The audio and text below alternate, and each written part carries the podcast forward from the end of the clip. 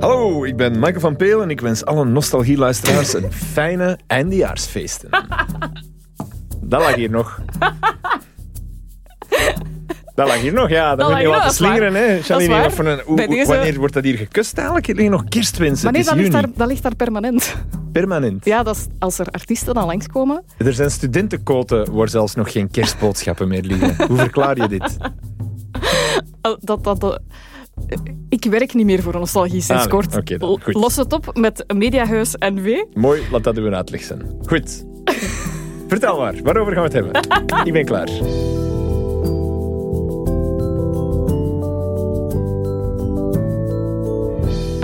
En welcome to The Rebellion. Voor je in paniek schiet, nee, je zit niet plots in een Star Wars podcast, al had dat in mijn geval even goed gekund. Maar je zit wel degelijk met The Sorting Hat Revisited in de oren. De Harry Potter geïnspireerde podcast waarbij ik het Potterverse gebruik als excuus om mensen de kleren van het lijf te vragen met behulp van een fictionele hoed. En laat Welcome to the Rebellion nu net de titel zijn van de nieuwste show van mijn gast van vandaag. Je kan hem kennen als comedian, schrijver en columnist. Hij is de ultieme survivor van de scherts met een decennium aan eindejaarsconferences. En met een beetje chance heb je misschien al eens voorbij zien vlammen op de Vespa. Voor de gelegenheid heb ik niet Hagrid zijn brommer of motaar mee, maar een X-Wing gereed gezet voor de grappigste verzetstrijder van de Rebel Alliance. Welkom bij het verzet. Met als protagonist van vandaag Michael van Peel.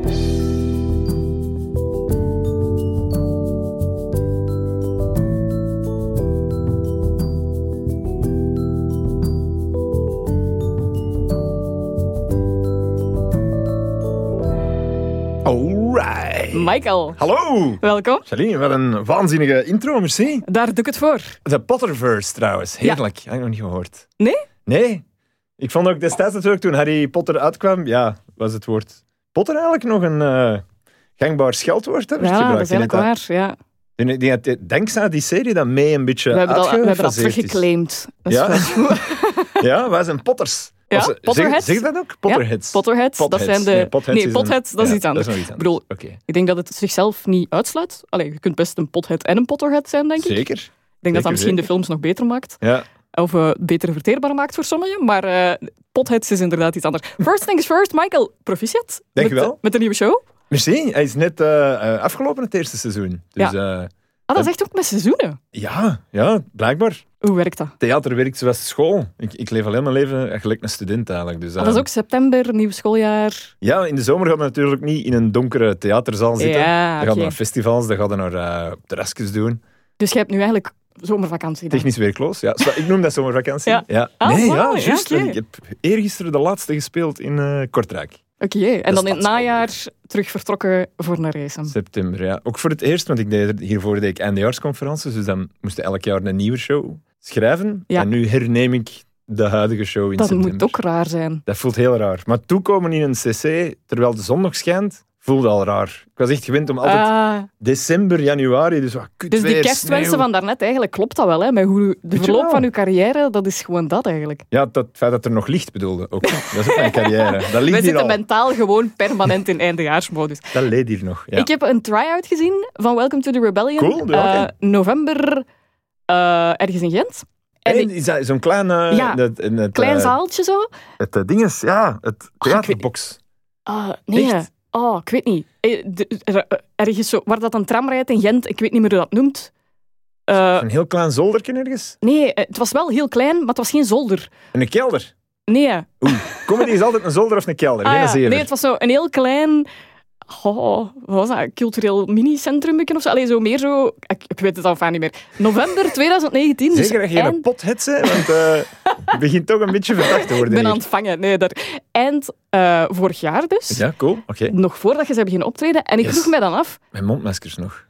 Nee, dat was letterlijk de eerste avond dat het niet meer moest. Echt? Ja, want daar hebben ze toen ook nog iets over verteld, dat je mocht kiezen. Dat, sommige mensen waren dan zo nog super onwennig en zo. Ja, ja, ja. Dus ja, dat was, dat was toen ergens in november. Maar ik vroeg mij af, dus in hoeverre dat wat ik gezien heb, is dat wat de gasten nu zien, of is dat los allemaal de vuilbak ingekieperd? Ja, we weten nog altijd niet welke show het nu eigenlijk was. Dus, eh, de, dus dat hangt er vanaf.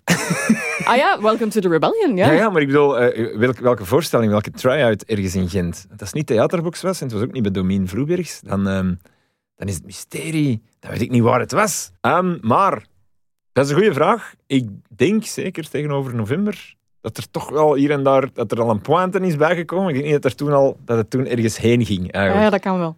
Maar de backbone van thema's of ideeën waar het over ging, vermoed ik dat hetzelfde is. Ik kan, vind dat moeilijk om te vergelijken, want de show is hoe dat ik hem nu speel. Ja, Dus ik is dat al moeilijk om daaraan hoe- terug te denken of Ja, zo? ja, Dat is ja. al zodanig nu... Ja, dat, dat is vreselijk als je die dan toevallig toch eens geconfronteerd wordt met een oudere, oudere versie. Wat ik altijd had met die NDR's-conferenties, want die werden opgenomen in het begin van de tour. Hè. Ah, dus die in- show verandert eigenlijk nog superveel. Ja, de 1 december ging ik in première toen. 20 december werd hem al opgenomen voor de VRT.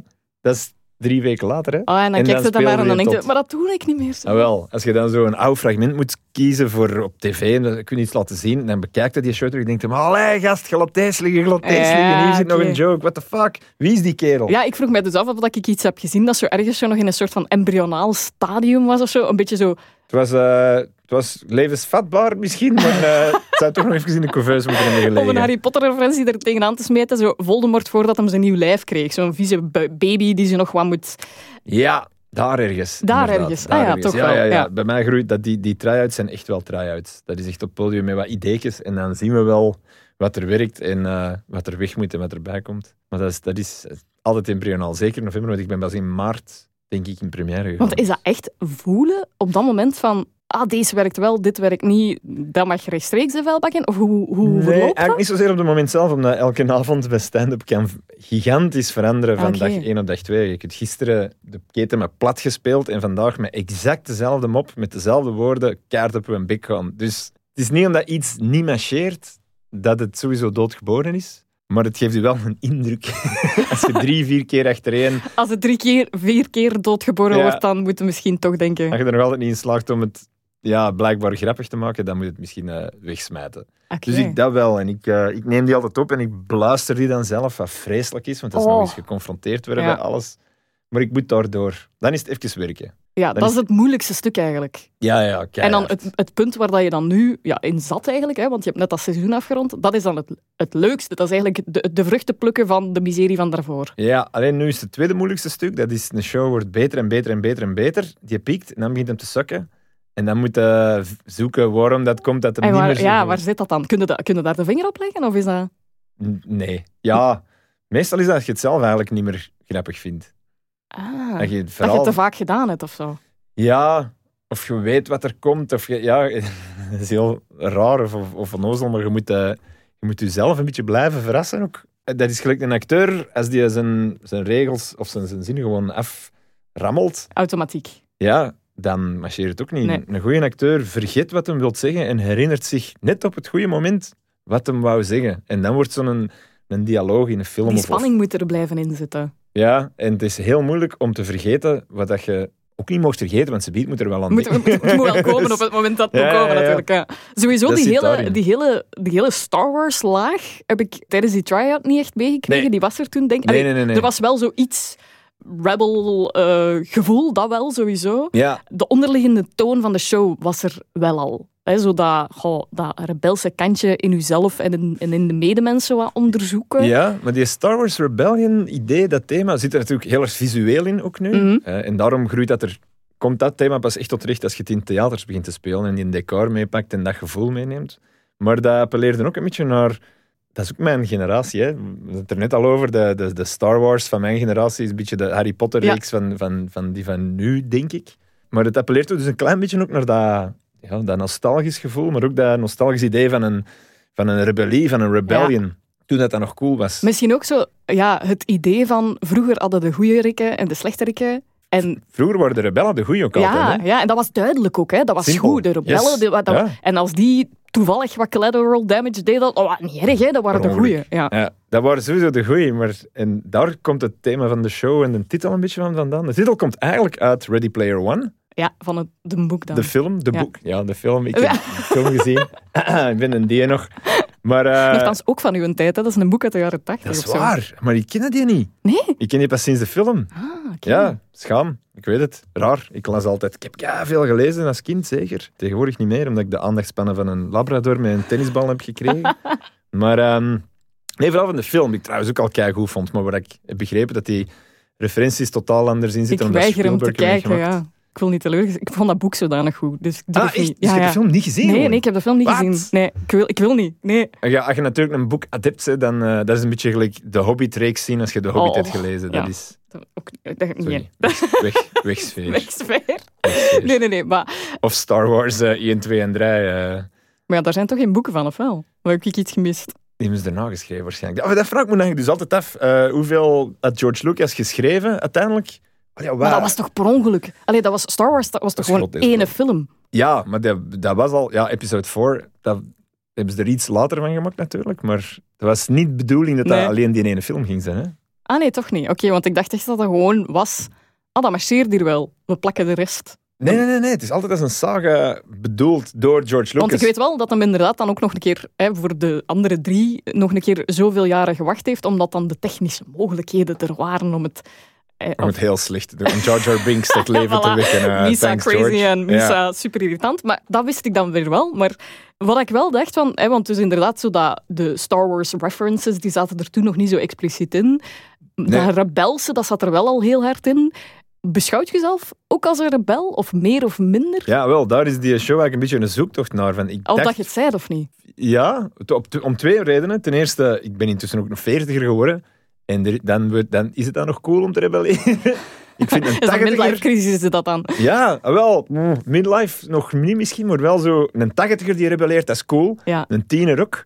Maar zo veertig, dan wordt het... eh, mm, dat is wat een tussenleeftijd. Dus Maar dat je is hebt, een je hebt nu ondertussen ook al voor alles een term. Hè? Als, je, als je rebelleert in je tienerjaren, dan zit je een puber. En nu, als je toe in je twintiger jaren, dan is dat wat? Een quarter life crisis. Als je toe in je veertig jaren, dan is het een midlife. Ja, En 80, dat weet ik niet. Dan is, dan is het gewoon echt banger. Dan alles is, is gehashtagd intussen, ja, dat inderdaad. Nee, maar wel in de zin van... Oké, ik ben een beetje een laatbloeier, dus heel mijn leven al vond ik me van mezelf dat ik iemand was die rebelleerde tegen de oudere, conservatieve generatie. Maar ineens Zij draai de je om tante en staat er een hele generatie te rebelleren tegen u. tegen die van nu. Hè. Nog net niet die van mij, want ik ben geen boomer, ik ben een Gen X'er. Ja, degene na u eigenlijk. Ja, is zo de, de heerlijke dooddoener van Generation X is eh, tussen al die de Gen Z'ers en de boomers die tegen elkaar aan het roepen zijn, die elkaar haten, vergeet niet dat er een generatie tussen zit who hates you both Ja. equally. en dat zijn waar, de Gen X'ers, zo die eh, no future, die mannen zo. de jaded generation. Wat ik heel interessant vind, ik heb er voor de, de standaard een essay voor mogen schrijven, een kerstessay, Ja. een jaar geleden intussen. Ik vond dat heel boeiend om daar eens mee bezig te zijn en in te gaan. En ook af te vragen, bestaat dat wel generaties en hoe, hoe is dat cultureel gestuurd? Want hè, dat wordt gedefinieerd, Mhm. een generatie binnen een, een culturele eenheid. Hè. Dus hier is dat de westerse cultuur, maar in, in de oosterse cultuur is het juist hetzelfde. En in, eh, in Afrika hebben ook dat soort generatieconflicten. Dus dat is echt universeel, dat zit in de mens in. Hebben ze... Wacht, dus heb- is dat dan inderdaad echt universeel dat je bij wijze van spreken in China ook kunt zeggen van ah ja, dat, dat is millennials, want, want dat en dat en dat? Die Ah, wel, in- tendensen zijn daar ook? Eh, China, in Taiwan bijvoorbeeld heten de millennials de strawberry generation. Because they think they're so special and they bruise easily. Oh, oh my god. Dus die krijgen hetzelfde verwijt Ja. daar. Maar eh, alleen worden generaties een, bit- een klein beetje ehm, anders gedefinieerd, het begin en het einde, omdat meestal een generatie wordt gedefinieerd door een groot breekpunt. Gelijk, Ja. ja, corona gaat er nu sowieso in zijn. ja. Er is een voor en een na, sowieso.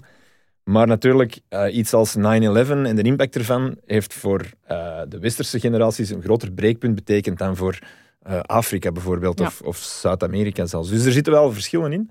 Maar er zijn ook veel overeenkomsten, omdat zeker vandaag de dag met technologie, die dingen beleven we samen. Ja, dat is eigenlijk nu universeler Ja. geworden door globalisering, Exact, door ja. social media. En je beleeft het eigenlijk meer globaal dan dat het echt je eigen... ja, ja, exact. Het is minder eurocentrisch dan vroeger misschien. ja, TikTok is voor de, de Chinese tiener exact op hetzelfde moment gekomen als voor een Afrikaanse of een Westerse. Dus dat, is, dus dat maakt er een soort van Gen Z eigenlijk de eerste global generation op dat vlak. Dus waarschijnlijk gaan die verschillende generaties, dat gaat wegvallen. Dat wordt één... Dat wordt één Meer en meer grote, één grote- ja, melting pot en zo. Ja, klinkt heel mooi en heel, eh, heel hippie, maar eh, het heeft ook andere duistere kanten Eh, de- natuurlijk. absoluut, Ook absoluut. iets waar de show over gaat, een impact van technologie. Ja. Ik wil hier niet met een show komen bumpen eigenlijk, maar ik ben daar nu gewoon keihard nee, mee want ik, bezig. ik- dus- want ik vind dat ook fascinerend. Want het, je hoort, denk ik, of tenminste in die try-out hoorde ik dat toen ook al. Misschien wordt dat in de show dan echt meer geëxpliciteerd. Maar je hoort wel zo die. ah, ja, ik weet niet. Ik denk dat je hoort dat je veertiger bent en dat je denkt van, ik, ik weet het gelijk niet goed en dat dat normaal is. Ja, dat is misschien, oh, ik weet het eigenlijk niet goed, is misschien nog altijd de beste Samenvatting. houding. Samenvatting ook, maar houding in het leven ook, eh, Ja. denk ik. eh, dat is die Best Lerman Class of 99.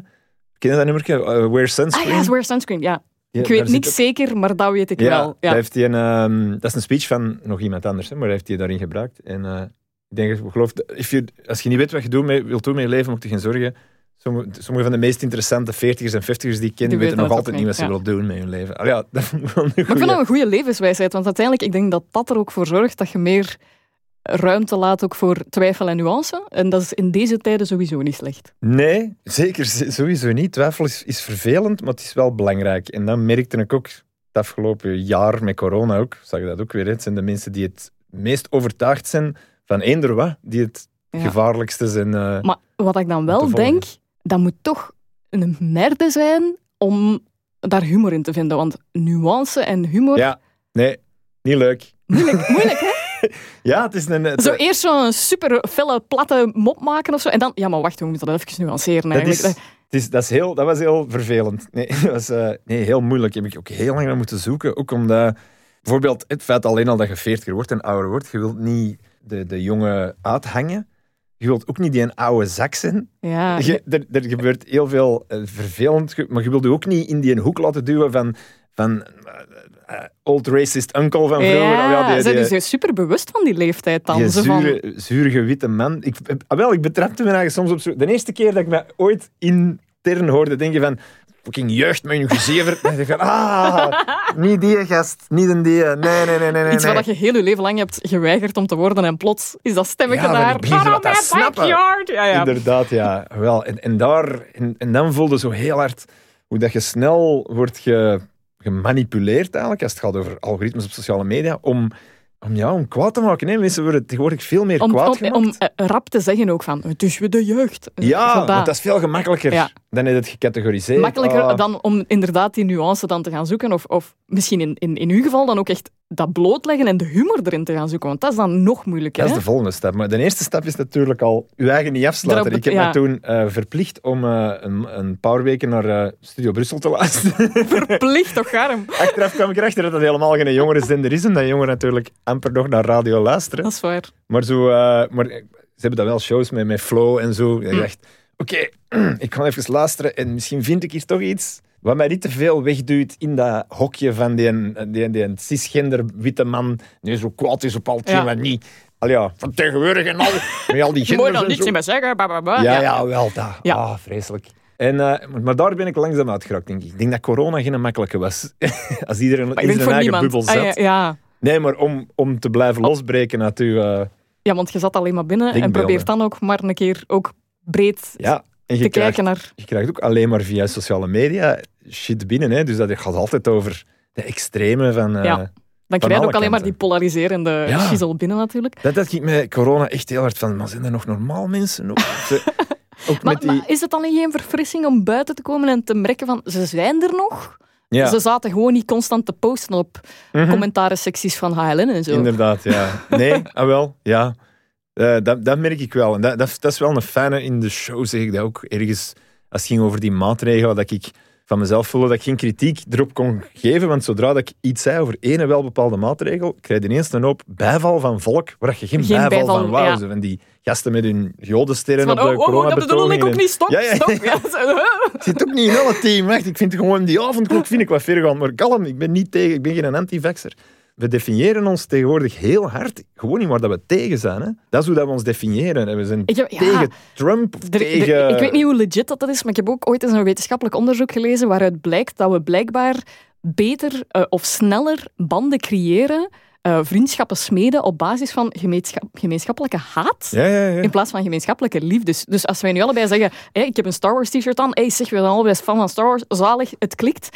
Maar als we nu allebei iets haten, dan gaat dat een betere band smeden. Maar dat is toch... En, en waar heb je dat gelezen? Vind ik wel Ik interessant. weet, ik weet het niet meer. Ik, een of ander wetenschappelijk onderzoek. Het is ermee dat ik dus ook niet kan bewijzen hoe, hoe legit dat is. Ah, ja, oké. Geen Anekdotische bewijs Allee, geleverd. ja, ja, Mooi. ja. Nee, ja, maar ah, wel, keihard. Ik deel volledig hetzelfde gevoel of dezelfde analyse. Dat is, maar dan zelfs op politiek vlak. Hè. We zijn, iedereen is tegen iets, niemand staat nog voor iets. En die, die gedeelde haat jegens iets wordt opgepookt nu door Ja. sociale media, omdat dat, en je dat krijgt veel meer dat twee uitersten tegenover elkaar. Ja, maar ook omdat dat, gezegd, veel gemakkelijker is.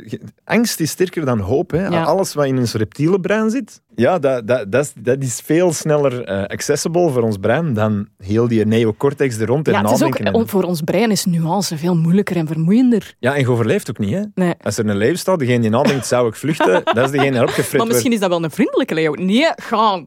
Ah, Dus zo zijn we hier evolutionair op Ja. geraakt. Maar dat heeft natuurlijk nu al zijn repercussies. Als we met angst voor terreur één een aanslag ineens, hè, ineens heel het land platleggen, Ja. bijvoorbeeld. En plots eh, vrij makkelijk een politiestaat kunnen installeren. want- Bijvoorbeeld, ja, ja, ja. of angst voor dat virus misschien, dat loopt Ja. gelijk, gelijklopend. Daar merkt dat ook, dat je, je moet echt moeite doen om er tegen te vechten. En hetzelfde is met haat.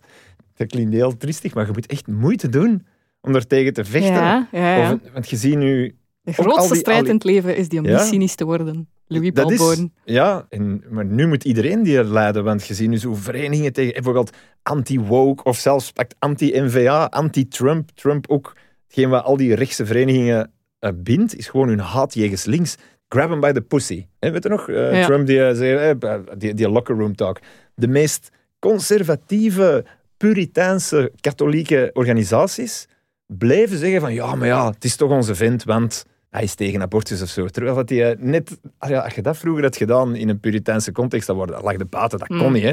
Scheefpoepen was al niet te doen. Dat zal, snap je? Dus, maar die gemeenschappelijke haat jegens links in dat geval, Ja. progressief Amerika, Is zodanig zo groot dat je heel veel kunt excuseren van iemand. dat je van katholieken tot fascisten tot... Enfin, die twee hebben niet altijd heel ver zitten, maar allee, dat je de meest uiteenlopende figuren bijeenbrengt. Hetzelfde bij ons, die coronabetogingen. Dat ging van bomenknuffelaars, extreem links, tot fascisten, voetbalhooligans. Dat was een bonte avond waar dat Doerfestival nog een punt aan kan zagen qua diversiteit. Hè. Die, die liepen daar allemaal samen rond, op te roepen voor verbinding.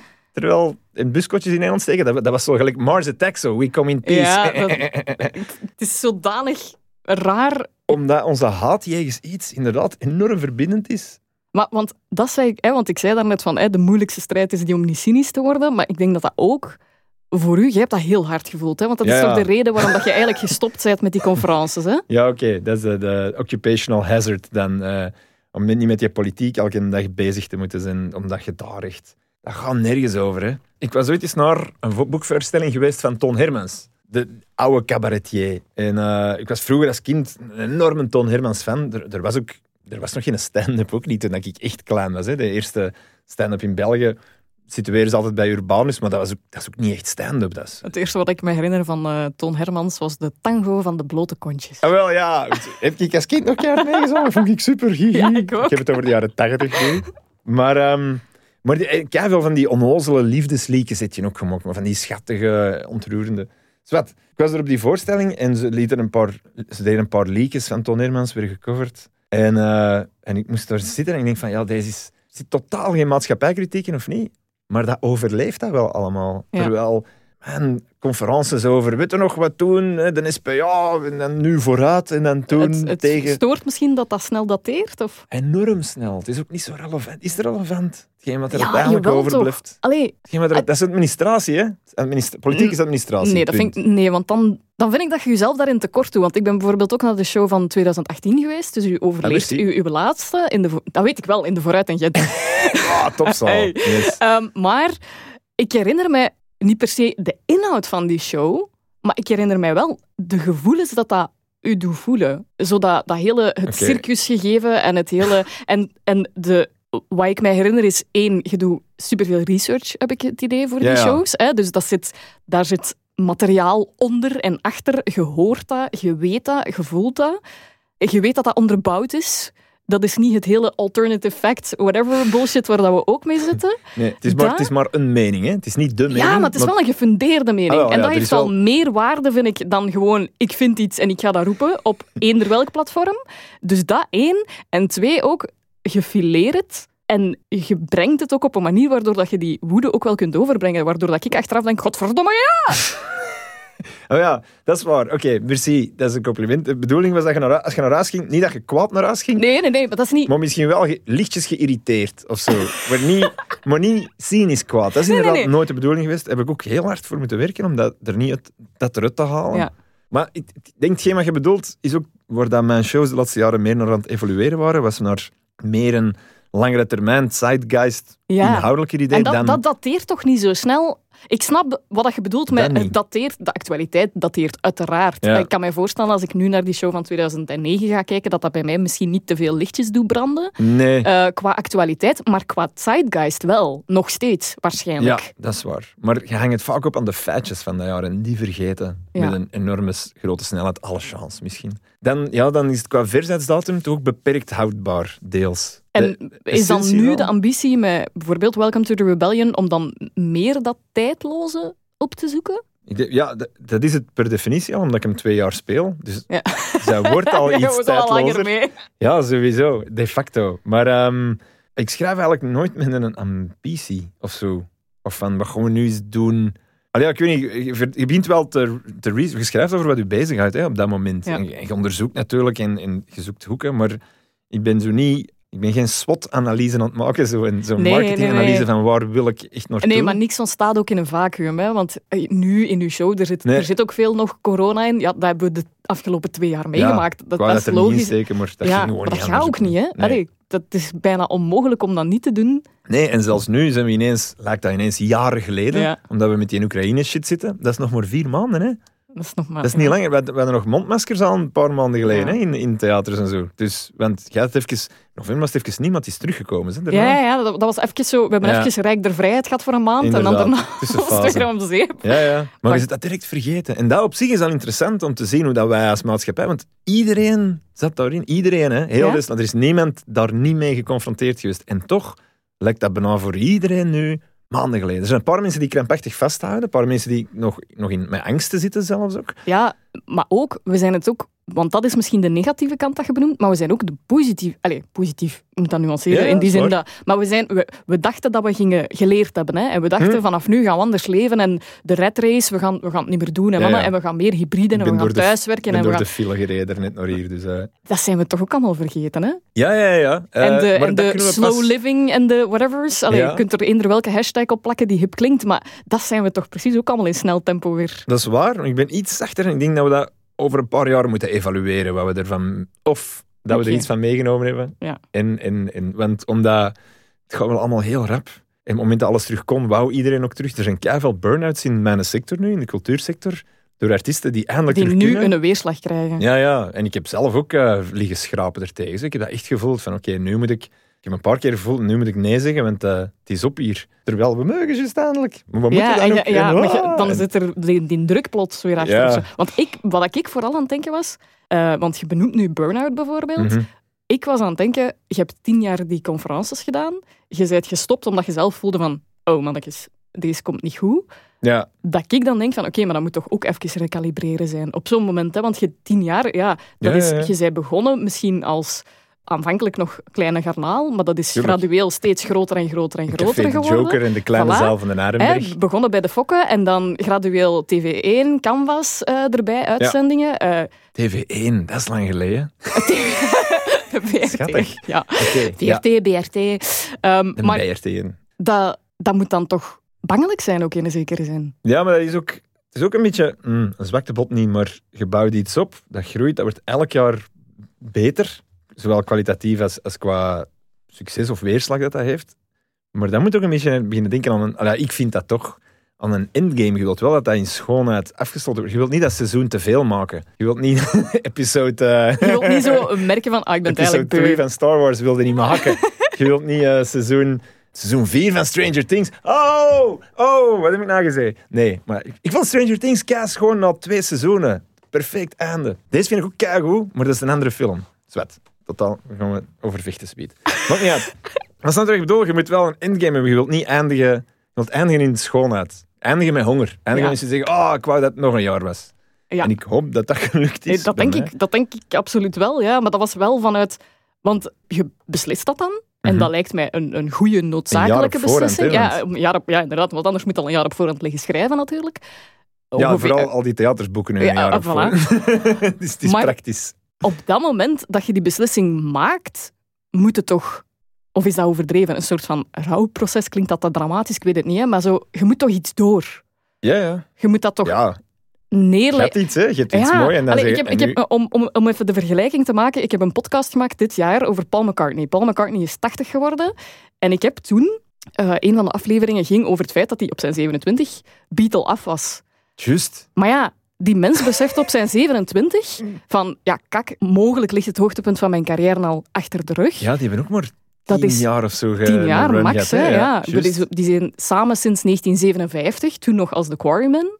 En dan hebben die even hard gegaan tot 69. En het was gepasseerd. Die mens is nog niet eens 30, hè. Ja, En op, misschien is de vergelijking te ver gezocht, hè. ja ik zeg maar geen Beatle, hè. Nee, Eh, maar, nee, maar ik bedoel, je voelt wel... Je voelt van, ik heb iets opgebouwd. Hè? Je voelt van, ik zit hier op een soort van high drive. Mijn carrière is aan het floreren. Die kijkcijfers, die... Allee, dat moet je voelen, toch? Hè? ja, ja, ja. ja. En dan is het toch ook confronterend, ik weet het niet, om te weten van oké, ik stop hiermee. Dat is een noodzakelijke keuze, een doelbewuste keuze. Mhm. Ik moet dit ook doen om niet een cynische zak te worden. Maar ook komt dan toch niet onvermijdelijk de vraag, en nu? Ja, ja, tuurlijk. Maar dat is, eh, ja, dat is, deze is maar Vlaanderen. Hè. Dat is allemaal heel relatief en heel klein. Maar het, is wel zo. eh, Als je begint, ja, dan is het jaloers op mensen die... Enfin, jaloers, hè. je ziet die mensen die succes hebben. Je wilt succes hebben, je bouwt succes op. Als je chance hebt, hard, hebt en hard werkt, die twee dingen, maar ook chance hebt, dat groeit. Op een gegeven moment is dat ineens iets, iets goed. Maar dan kan het alleen maar slechter worden, hè. Ah ja, het is goed. Dus dan, die balken zitten in de lucht, maar nu moeten ze ook wel in de lucht houden, want het kan alleen maar bergaf gaan van hier. Dus fuck. Dus, en dat is vreselijk, want je dacht ooit, gelijk, dat ik afstudeer, maar dan heb ik diploma. Amai, dan ben ik eh, ja. afgestudeerd. Maar dan merkte van, ah, ja, maar ja, nu begint het ook nog maar pas. Fuck, het is nooit voorbij. Dus dat is zo. Want is dat nu confronterend of heb je gewoon zoiets van oké, nee, ik heb echt een show gemaakt waar ik trots op ben, die dat er staat en waarvan ik kan zeggen van nee, het is iets anders, appelen en peren? Of hoe kijkt je daar dan naar? Ik heb nog geen tijd gehad voor de naar te kijken. Ik ben kei blij dat mensen terug naar theater zijn komen zien en dat die zalen vol zitten. En, Dat gaat pas achteraf komen. eh, Of, of zij de überhaupt niet de persoon... Dat kan ook, hè, dat je daar gewoon überhaupt niet naar terugkijkt. Dat je denkt, oké, bon, we hebben het gehad. Volgende accomplishment, we zijn weer weg. je zit er gewoon nooit. Ja, nee. Als je, als je een game ontspeelt, bent, dan speel je dat uit en dan kunnen ze nog wat bonusronden doen en zo Ja. nog eens spelen. Maar je hebt het uitgespeeld. Dat is zo even schouderklopje en dat gaan. Nee, Ja. ja. en, dat is- en dat lijkt altijd. Je denkt altijd dat je een succesvol artiest ziet van, oh maar die heeft het gehaald. Als ik daar maar eens, maar, daar maar eens ooit geraakte. En dan geraakte daar, min of meer. En dan blijkt dat het nog altijd Ja. even kut is. Ja, om de McCartney erbij te halen, die heeft dat blijkbaar ook zelf gezegd hè, in een interview. Van, zelfs toen ik een Beatle was, dacht ik van, ja, maar het kan altijd nog beter. Dus dat drijft je ook natuurlijk. Ik denk dat die Ja. creatiedrang misschien ook wel eigen is aan gewoon ja, creatief zijn. aan de mens, echt, ja. Ik denk dat wel. Ik dat toch, of toch een, toch een Is interessante... dat eigen aan iedereen? Want je hebt toch ook mensen Misschien die zich... niet. Ik, ik was het graf van mijn vader gaan bezoeken vorige maand en ik stond daar wat, even te mijmeren, gewoon wat te denken. En ik hoorde in de verte eh, door de bomen geluid komen van een concert. Ziet hem gaan, ziet hem gaan. Met zijn basketsloefjes aan. En ik ging er aan. Dat was zo mooi om op dat kerkhof te staan en dan Sam Goris te horen binnen golven op de, op de warme lentelucht. En ik dacht van, maar fuck jongen, ik was, als ik was, deed je dat ook al. En die brengt dan nog altijd met evenveel enthousiasme en overtuiging die een hit. Maar je weet dat nooit, hè, maar als je die bezig ziet, denk je van, ja, die is gewoon content. Ja. En die gaat, maar dat zal wel niet zijn, want het lijkt altijd zo bij andere mensen, zo Ja, andere mensen door het leven surfen. Ja, maar ik heb alleen wel- jij zo Op zich is ook zo de... oh, ik weet nu niet, is dat hindoeïsme, taoïsme? Ik zou het begot al niet weten, maar een of andere filosofie of levenswijsheid. Voilà, die ook toch zegt van eigenlijk ambitie is zo wat de doodsteek voor geluk, omdat dat zorgt er altijd voor. Het moet altijd meer en hoger en beter. En, terwijl als je gewoon kunt zijn, dat is het moeilijkste dat er is. Hè? Ja, dat is, eh, ja, dat is de eeuwige. En ik bedoel, dat is, dat is allemaal blaterij, maar ehm, ervan genieten op het moment dat het gebeurt, dat is zeldzaam. En kun je dat? Als je nu... Ik je- nee, ik, ik ook Nee, niet. ik merk dat. Ik kan dat niet. Ik kan dat niet. Het zou cool zijn. En ik had een coole uh, boekje, Neil Gorman, Why Art Matters. eh Lichter had Ah, ja, ja, eh, aangeraden. En dan staat er ook ergens in dat hij een brief kreeg van Enjoy it while, Ja. right now, while it's Dat is een tekening van een rollercoaster. Ja, Ik heb, de, ik heb de getekende versie van Chris Rydell met anima allee, animaties. Echt tekeningen, illustraties erbij, waarin Juist, dat hij ja. heel vaak zegt van... Ja, ik ik, ik besefte het niet op het Mhm. moment zelf. En dan achteraf denk je, godverdomme, ik zat op een rollercoaster. Ik heb er eigenlijk niet van genoten ook. Ja, dat, dat, is, dat is ook...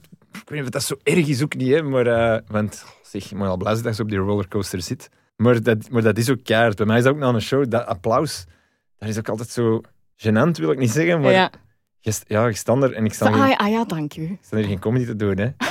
Terwijl als ik in het publiek zit en ik bezien een comedian en het is applaus, dan, dan, ja, kijk, dan is dat Ja. fijn dat je dat kunt geven. Dat is eigenlijk, eigenlijk komt het daar een beetje op neer. De, je, hebt- je hebt de kunst van te geven, maar je hebt ook de kunst van het kunnen ontvangen.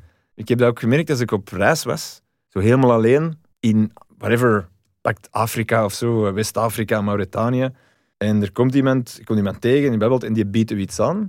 We hebben echt zo'n standaard, of ik heb dat toch, zeker in Vlaanderen, een standaard instelling als iemand zegt, moet jij het hebben? Nee, nee, nee. nee. Mm. Zeg, "Goed, zeg koffie? Nee, nee. Eh, hier, koekje? Nee, nee, nee. Omdat je, Je moet niks open van... doen, hè. Ja, wel, ja, ja, je moet er geen zetten, hè. Want ik wil je niet ontgrieven door iets te Ja. pakken. Maar wat je eigenlijk doet, is je ontneemt de, De andere mens om je... Ja. het plezier van iets te geven. Er is niks leuker dan iemand een koekje geven hè? en iemand blij maken. Iemand een mop geven, iemand een lach geven. In mijn functie dan. Of, of geven is kei plezant. dat klinkt nou heel... eh, Dus wacht, wacht, wacht. Is comedy dan En- een klein beetje altruïsme? Gewoon... Altruïsme is dat niet. Nee, is allesbehalve. Dat is aandachtstrekkerij, is wat comedy is. Net als elk ander podiumding is dat fucking aandachtstrekkerij onder het mom van mopjes. Dat is wat je doet. Je koopt aandacht Ja. in ruil voor mopjes. Maar op het moment dat ik niks niet meer aan het geven ben, voel ik mijn eigen... Ah, Opgelaten. Ja, van ja, oké, ik kan al een tijd niet, vers- niet verspelen, want je wilt waarschijnlijk weer frak gaan halen. Maar het publiek is wel iets aan het geven, natuurlijk. Ja, Dat en die willen dat... Die, op dat moment is dat ook... Dat voelt als een ontlading of zo, want je wilt dat applaus ook echt geven. Hè. Je wilt tonen van, zeg, ik vond het echt keigoed. I know, because I've been there in dat publiek. Maar dat is pas iets wat ik de laatste jaren eh, ja, cerebraal al door heb, maar ik kan daar nog altijd niet goed mee overweg. Oké, dus altruïsme is het sowieso niet Nee. dan. Zit er wel, of toch zeker in uw geval, zit daar ergens idealisme in? Want uw shows zijn toch vaak politiek geladen.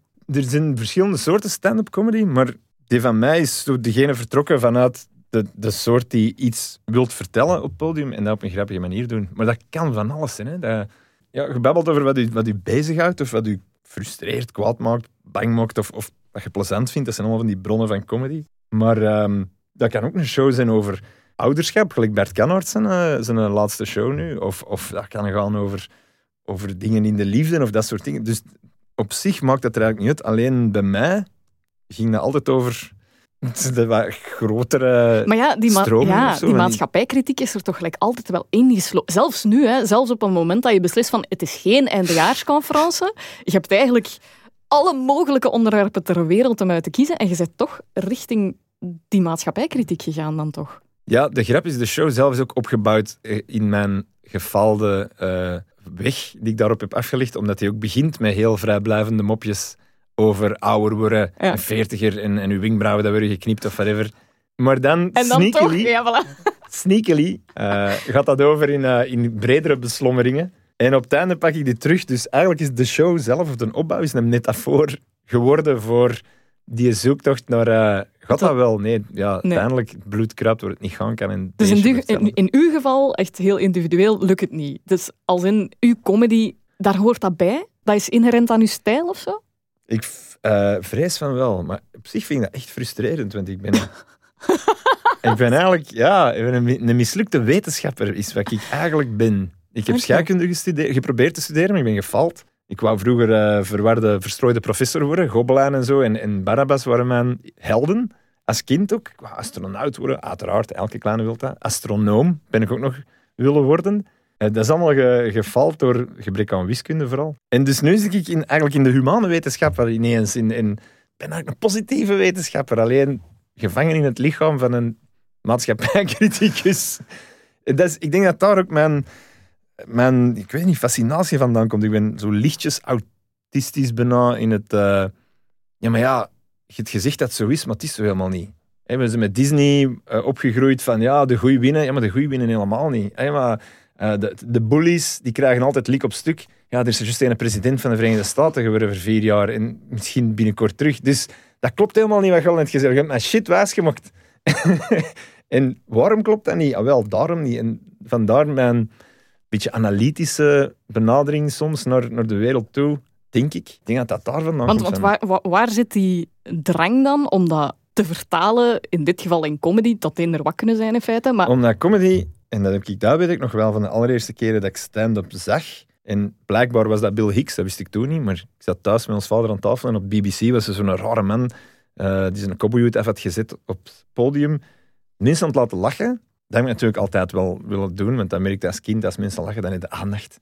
En krijg je de liefde. Yay! Dus zo Monty Python en, en Urbanus uiteraard, tegen Toon Hermans, die dingen, vond ik geweldig. Maar die zei ook shit, Bill Hicks. Shit die funny was, hard, maar wel waar. Ja, maar het is grof. Ja, maar het is waar. Hoe ziek is dat eigenlijk zo? En dat is die observatie waarin dat je zo gewoon de kleine jongens die, die wijst van, volgens mij, de keizer geen kleren aan. Hè. staan er allemaal te joelen, maar volgens mij staat hij in zijn blote. Doet ermee wat je wilt en dan wegwandelen. En dat vond ik, uh, dat was seminaal eigenlijk. Dat vind ik geniaal. Maar dat is ook wat, wat een wetenschapper in principe doet. Hè. Ah, iedereen zegt dat zo is. Ja, we gaan toch eens onderzoeken of het niet anders is. Ja, maar dat is niet exclusief voor wetenschappers. Hè? Want uiteindelijk, als comedian doe je nu oké, misschien iets minder wetenschappelijk gefundeerd, maar je doet toch hetzelfde als in dat scherp observatievermogen. Zet je ook in in die comedy natuurlijk. Hè. Ik heb al vaker gehoord, jij kan bevestigen of dat klopt, dat comedians eigenlijk doelbewust bijna eerder als observator deelnemen aan de wereld, de wereld beschouwen, zeg maar, in plaats van als participant echt heel actief deel te nemen, omdat je dat is waar, maar ik stel me wel de vraag of dat we dat niet allemaal hebben gewoon. Iedereen heeft wel eens in zijn leven het gevoel dat hij van een ander planeet is, of geadopteerd, of niet thuis hoort. Of dus, al ja, toch mijn favoriete mensen alleszins. mijn publiek sowieso. En dat deelde gewoon. Er is er alleen ene misschien wat beter of minder schaamtevol in om dat te focaliseren, dat gevoel. Maar dat is ook wat een lach is. En daarom hebben we dat zo hard gemist met corona, omdat dat niet te vervangen is door een scherm. Samen lachen, dat is instant connectie met 800 man. Tegelijk beseften allemaal van, haha, we hebben allemaal even hetzelfde gevoel nu. En dat heb je niet aan een tv. Dat is zelfs niet je een comedy show ziet op tv. Dat, heb, dat, je moet dat... Dat moeten voelen in de ruimte, de, de lucht, de vibraties. De... Dat is waar. En je kunt dat wel zeggen, dat is met elke live artiest zo. Dat is waar, maar niet helemaal. Dat is waar op een bepaald niveau. Met muziek bijvoorbeeld je merkt dat mijn, op een keigoed concert, als je ineens voelde, fuck, er is hier een connectie tussen mhm. die artiest en, en, die duizend mannen die staan. En tussen ons ook, wow. En iedereen voelt dat. Ja, je voelt dat, maar je focaliseert dat niet per se. Terwijl een lach, is, bestaat in de oertijd bestond het al. Dat is, als je op reis gaat, naar een land waar je de taal niet spreekt, het eerste wat je doet met iemand dat je niet kent, is gelacht. Zelfs, je mag de stoel, warm hè, hot hè, hot, ho, ho. Omdat dat onze basismanier is van connectie leggen met elkaar. Van, wij zijn oké, okay, wij zijn geen vijanden. En dat hebben we zo hard gemist, die connectie met elkaar. Je hebt een artiest met zijn publiek, maar je hebt het publiek met elkaar onderling, dat even belangrijk is. En als je dat publiek 10 meter uiteen zet met mondmaskers, marcheert dat niet. Je hebt in een, uh, in een hum humo-interview jezelf ooit op een gegeven moment ook eens omschreven als een Einzelganger, maar ook dat de coronacrisis er eigenlijk voor gezorgd heeft dat je dat beseft van, oeh, eigenlijk Eigenlijk klopt dat niet. Ik ben misschien minder een Einzelganger dan ik dacht. Mhm. Ja, ehm, dat is waar. Ik, uh, als kind vond ik dat altijd heel hard. Was ik dat ook. Maar ehm, het is net door je eigen weg af en toe te gaan dat je beseft wat ons uiteindelijk allemaal bindt. En wat ons uiteindelijk allemaal bindt zijn niet de rituelen die we ervan gemaakt hebben. Gelijk samen naar de kerk gaan op een zondag of, of, of uh, zelfs samen een gemeenschap vormen.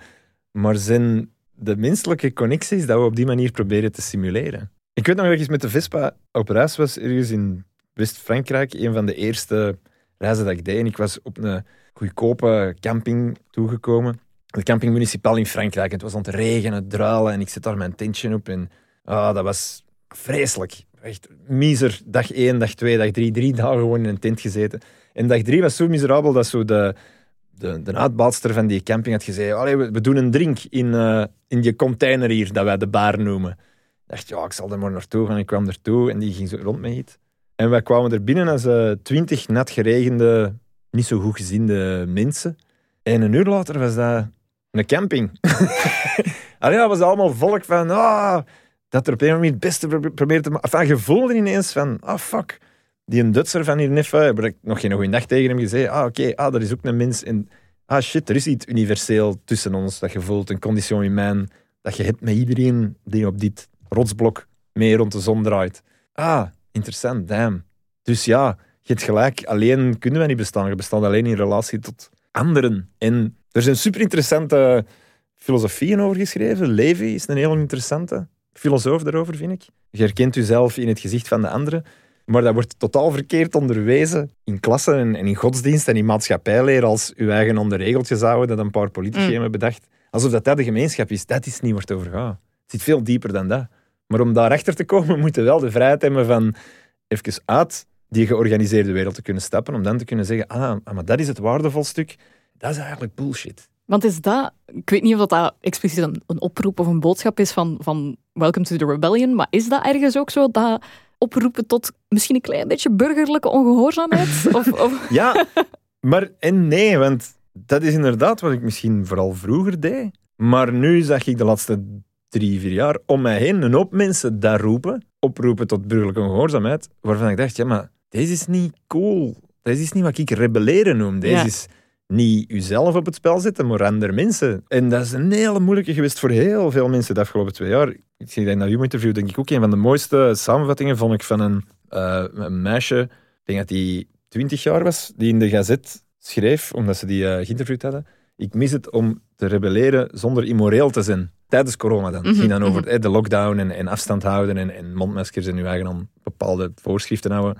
En dat vond ik een hele schone, want inderdaad, je moet kunnen rebelleren op je twintig. Alleen vroeger betekende rebelleren zo tegen de overheid, tegen de flikken, tegen een systeem. Waarbij dat je dan zelf het risico liep om... Of tegen je ouders. Hè, of tegen je ouders. Ik heb plots haar. Ja, inderdaad. Tegen de macht, tegen een concept. Tegen een idee, tegen een kader.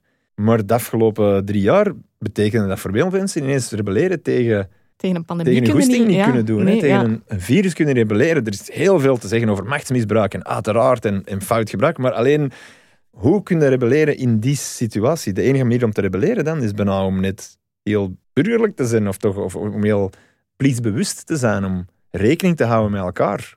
Om is dat dan rebelleren? Ja, om, omdat het niet... De... Thema, heel erg denken aan het thema van de show ook van 2015, als ik me niet vergis. Decency is the new punk. De zin dat ik van Tom Hannes had ge, gelicht, uh, de zen-boeddhist, slash Nick Cave-imitator. Eh, Wat ik toen heel hard vond, 2015, is de grote vluchtelingencrisis onder andere. En toen hadden we het omgekeerde van wat we nu hebben met Oekraïne. Toen zeiden we muren dicht, deuren dicht, crepeert maar hier buiten. Verharding op sociale media, uh, extreem rechts discours, dat werd algemeen gewoon hoe kunnen nog punk zijn als, als, als fuck you de meest gebruikte begroeting is in, in, het verkeer en op de wereld? Kill him with kindness. Exactly, ja. Door net decency. Decency is de no punk. Dat vond ik een hele grave. En dat is een klein beetje nog altijd zo, denk ik. Alleen is het enorm moeilijk. Ineens eh, hoort u zelf het opnemen voor de overheid als comedian bijvoorbeeld. Ja, van, ja, ja, maar dat is toch ook een hele rare Dat is een hele rare. Hè? Je ziet mensen rebelleren tegen de overheid, eh, maatregelen, en zeggen ja, oké, maar dit deel is misschien toch nuttig. Uh, en dan zeg je, maar, ik weet, de overheid heeft ook... Uh, ja, ja, dan zitten we weer bij die nuance, hè, dat je zo denkt, ik ben niet per se voor de overheid. Maar jongens, wacht, hear me out. Inderdaad, you made me into that guy. Klootzakken, daarvoor was het nog het meest. Ja. Of hetzelfde als het gaat over... Dat, is, ook, was ook een stuk in de show, de staat, dat over extreme uitwassen van woke, dat je zo je voelt zeggen van, ja, maar Mia Doornart heeft een punt in de laatste column. Ah, nee, ik oh, wil nee. niet zijn. Dus ah. dat je nooit dacht dat, je het zou zeggen. Ja, ah, look what you made me do, you bastards. En daarom, daarom ben ik het meeste kwaad op die extreme, worden. because they make me feel like fucking agreeing with Mia Doornart. Dan moet ik oh. douchen en dan komt er bloed uit mijn anus. En, ah, ja, dat is heel traumatiserend. Nee, ja, wel gevoelde waar je zo mee geduwd worden in richtingen waar je niet naartoe wilt. Ik denk dat het, als ik u bezig hoor, wel vrij onmogelijk is voor u om niet geëngageerd te zijn.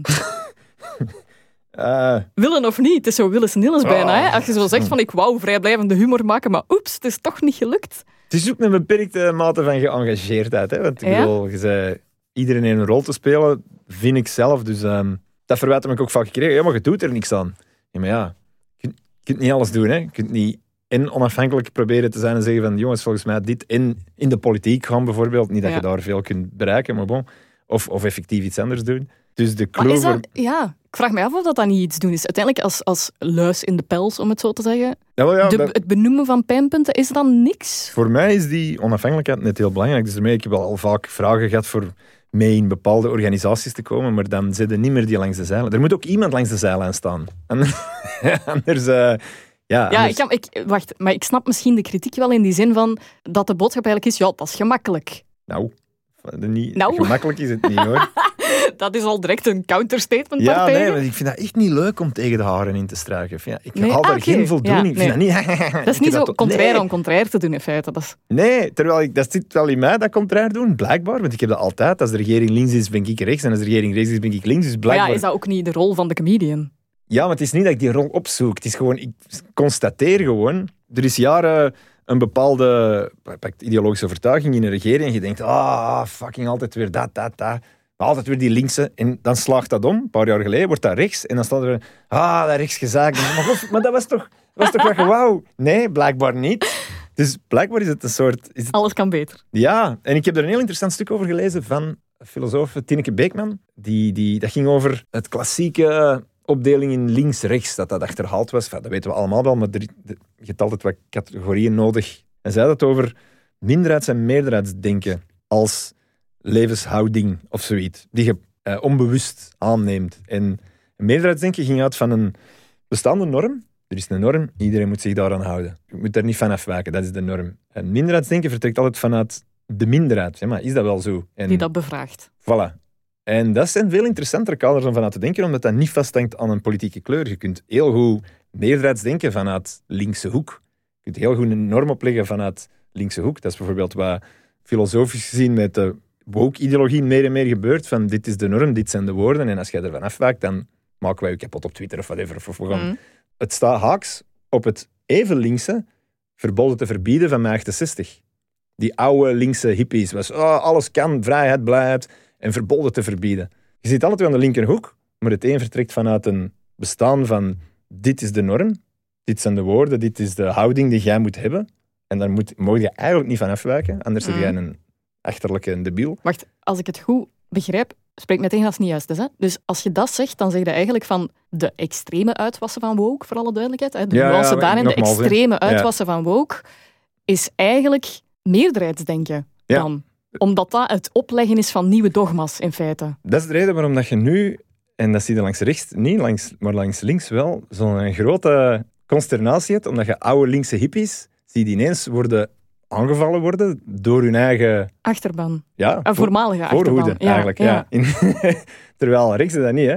Alt-right en Ja, maar dat is het grootste probleem toekoer van links, hè. Want links vecht onderling en rechts is één unified front. Klopt. En dat onderling gevecht... Een groot voorbeeld was die een Harper-letter, die een brief van al die schrijvers, waaronder Salman Rushdie, die het hadden over cancel culture, mhm. bijvoorbeeld. Of wat zij eronder verstonden, toch.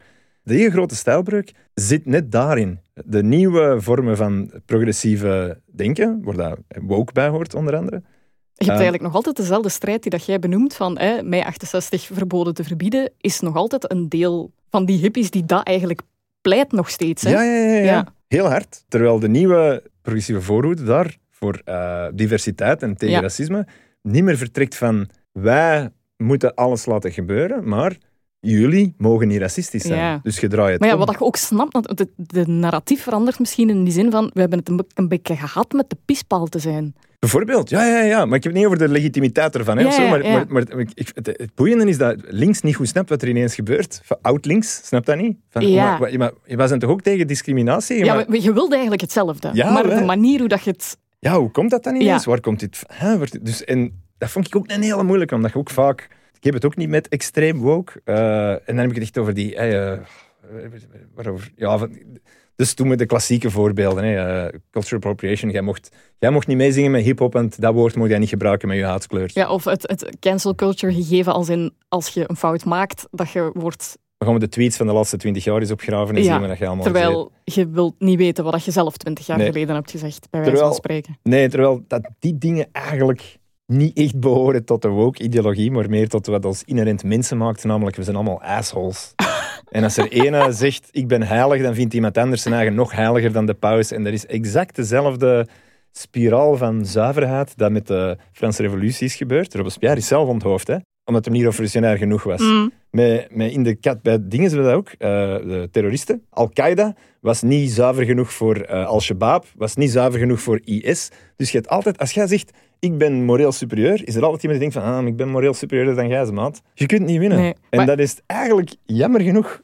En wat ik raar vind als ik je hoor babbelen, want ik hoor enerzijds heel veel idealisme en nog steeds zo'n soort van verontwaardiging, denk ik. Als in nog altijd wel de hoop of de ambitie om toch nog altijd tegen wat schenen te schoppen als het even kan. Ja. Maar ook wel van die uitspraken van we zijn allemaal klootzakken of zo. Dat, dat is, ja, defetisme is niet juist een woord, maar toch. Nee, dat is net, ik denk dat daar net de oplossing ligt. Ja? Want dat je zegt zo, tegen schenen schoppen, dat zal wel waar geweest zijn. Al was de ambitie op zich niet per se schenen schoppen, maar het vervelende was Wat was de ambitie wel? Ja, gewoon van, ja, maar volgens mij klopt deze echt niet. Ja, ja, ja. Oké, dus Of- ja, Dit is echt niet oké, dit ik moet deze toch zeggen. toch want- aankaarten op zijn minst. Ja, maar niet per se. Dat, dat is wat ik Mia Doornat vaak verwijt in de columns. Die pakt gewoon het omgekeerde standpunt van wat er gangbaar is. Of Ja. politiek correct, noem het dan zo. Maar dan politiek correct in de zin van hier zijn we het allemaal ongeveer over eens. Van dit is niet oké.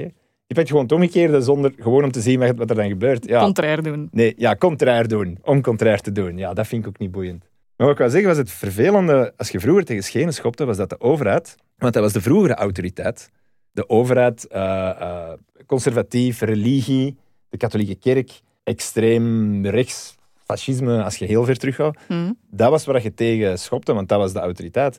Maar nu is het dus een klein deeltje van het progressieve gedachtegoed dat de nieuwe autoriteit is, al is dat relatief, hè, want de machthebbers zijn nog altijd rechts. Hè. Als ze zeggen, oh, woke eh, gaat de wereld overspoelen, eh, dat is fucking Zo bullshit. vaart loopt het niet. Maar er zit wel een autoritair, autoritaristisch kantje aan. En als je daar tegen schopt, wat ik echt wil doen, want ik vind niet dat dat kan, dat onderdeel, ja, is we collateral zijn minderheidsgroepen, hè. Zijn mensen die gemarginaliseerd werden, zeker tot voor kort en vandaag nog altijd. ja. En daar is het vervelende als comedian. En daarom zie je wereldwijd heel veel stand-up comedians zo hard Je ziet, je ziet inderdaad comedy worstelen, denk worstelen ik ook. met Met, dat gegeven. Pak Dave Chappelle onlangs. Met een van zijn eerste shows eh, zat er, vond ik, heel funny transgendermoppen in. Ook dingen die echt iets zeiden van, ah ja, over de maatschappij en de staat van de wereld. Zijn laatste show was al zo, wat, vond ik persoonlijk, wat, ah, nu hebben we in die, die een transfoob wil ik het niet noemen, want dat is het niet. Maar wel een pitch en al in die hoek gaan duwen. Nu krijg je cheers van mensen in de zaal waarvan dat je weet, ja, maar dat zijn gewoon fucking homofoben.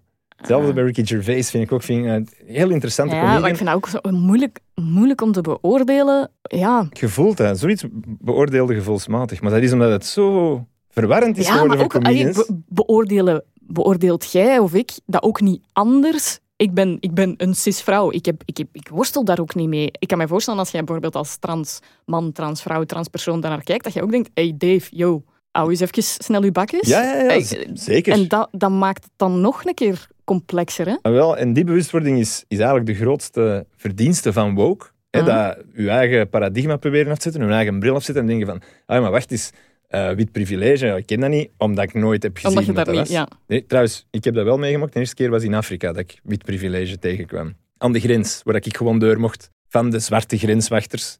Terwijl andere zwarte burgers werden tegengehouden en moesten betalen. Zo. Dat was, ah, white privilege. oké. Ja. Dat was zelfs gangbaar onder mensen. Ah, I used some white privilege to get through the border. All right, oké. Maar dat is acknowledgement. Dat is Ja, erkenning. ja, Dat is eigenlijk stap één al. En dat is super interessant. Vond ik super interessant aan woke, aan die ideologie van, ah ja, fuck, wacht. eh, er zijn een hoop dingen in je eigen gedrag en opvoeding dat je niet, niet ziet. Dat je niet beseft dat eigenlijk privilege is of problematisch is soms. Ja, probleem wordt, en het wordt problematisch om dat woord even te gebruiken, als je ineens alles daardoor gaat relativeren en gaat beginnen omdraaien, als je vergeet dat mensen gewoon mensen zijn.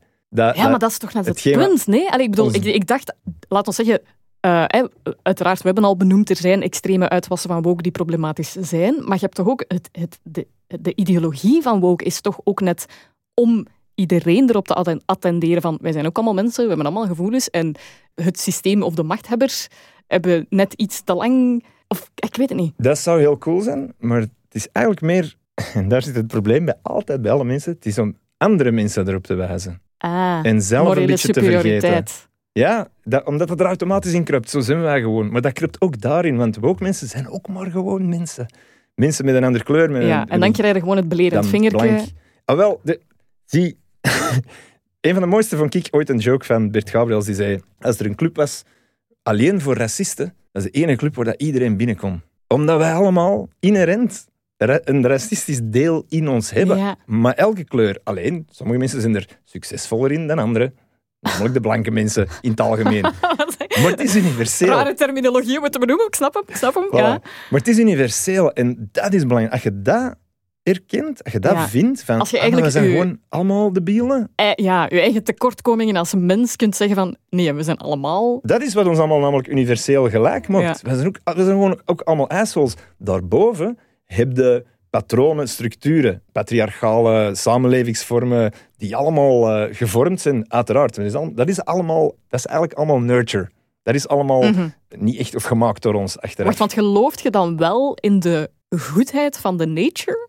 Dat is mijn uitgangspunt wel. Toch wel, oké. Sowieso. Dus je wilt wel geloven in de inherente goedheid van de mens. Dat is ook zo. Om twee redenen. Ten eerste, eh, pragmatisch. Namelijk, als je het omgekeerde pakt, dan verkloot alleen je eigen leven. Is dat zo? Als jij heel je leven zegt, gewoon de kloten gaan, het zijn allemaal klootzakken, gewoon de kloten gaan. Dan dat is het beste wat je ooit kunt bereiken, is dat je op een dag gelijk krijgt. Er gebeurt ja, iets, iemand... maar ja, is dat ook niet zo wat de, de logica van ehm, glas half vol, glas half leeg? Als in pessimisten kunnen alleen, kunnen alleen maar aangenaam verrast worden en optimisten kunnen heel zwaar teleurgesteld worden? Ja, maar heel die periode tot aan dat punt was wel veel plezanter voor de Dat- optimist. Hè? Dat is waar. En voor de mens die erin gelooft. En dat is hetgeen wat ik bedoel. Uw leven is gewoon... Uw leven is die kleine periode tussen geboren worden en doodgaan. Ja. Hè? Je hebt dan niet veel tijd, Dat dan is kun je het- even goed optimistisch zijn. Dat is waar het om gaat. Of dat je gelijk krijgt of niet, daar heb je geen kloten mee. Is, Zie je dat wel? Ja, exact. Tuurlijk. Tuurlijk, ik had toch gelijk. Ja, ja, maar de afgelopen 40 jaar Ik denk wel dat er een paar mensen wat gelukkiger zijn geweest dan jij. Maar oké. heb je je kas opgefret. Terwijl Ja. als jij vlierenfluitend door het leven holt en, en je krijgt iets op je neus, dan je Kun je dat? Slag je daarin? Want vlierenfluitend door het leven. ja, nee, maar omdat je zegt van... Hè, want je gelooft, zegt je, in de inherente goedheid van de mens, maar toch zit er heel veel verontwaardiging. Ja, maar ik zeg dat omdat, omdat ik, zoals ik zeg, er ook een pragmatische kant aan zit. Namelijk ook, als je daarin gelooft en je begint op die manier mensen ook te behandelen, reageren mensen er ook altijd op. Dat is weer diezelfde eh, gewaarwording van, je zegt geen eiland, alles hangt dan één en iedereen hangt dan één. Maar dat is ook zo. Ik bedoel dat niet religieus. Gewoon als ik u begroet met een glimlach en zegt, hey, en ik geloof best in u, automatisch, door de spiegelneuronen in uw lijf, Ja. door wie dat jij als mens, begin, ga- begin jij ook al positief. Dus dat is... En het feit dat wij samen positief zijn, iemand loopt misschien voorbij, die ziet dat, alles zie je, dat ziet er gezellig uit. Oh, wel Ik kan nog eens bellen naar ons ja. moeder. Whatever. Snap je? Dat zijn van die stomme kleine oorzaak-gevolg reacties die ervoor zorgen dat... Dat is wat karma eigenlijk is voor mij. Karma is gewoon iets heel concreet. Dat is niet hoe, maar dat is gewoon... Als je goed probeert te doen, op een of andere vreemde manier heeft dat weerslag op meer dan alleen u.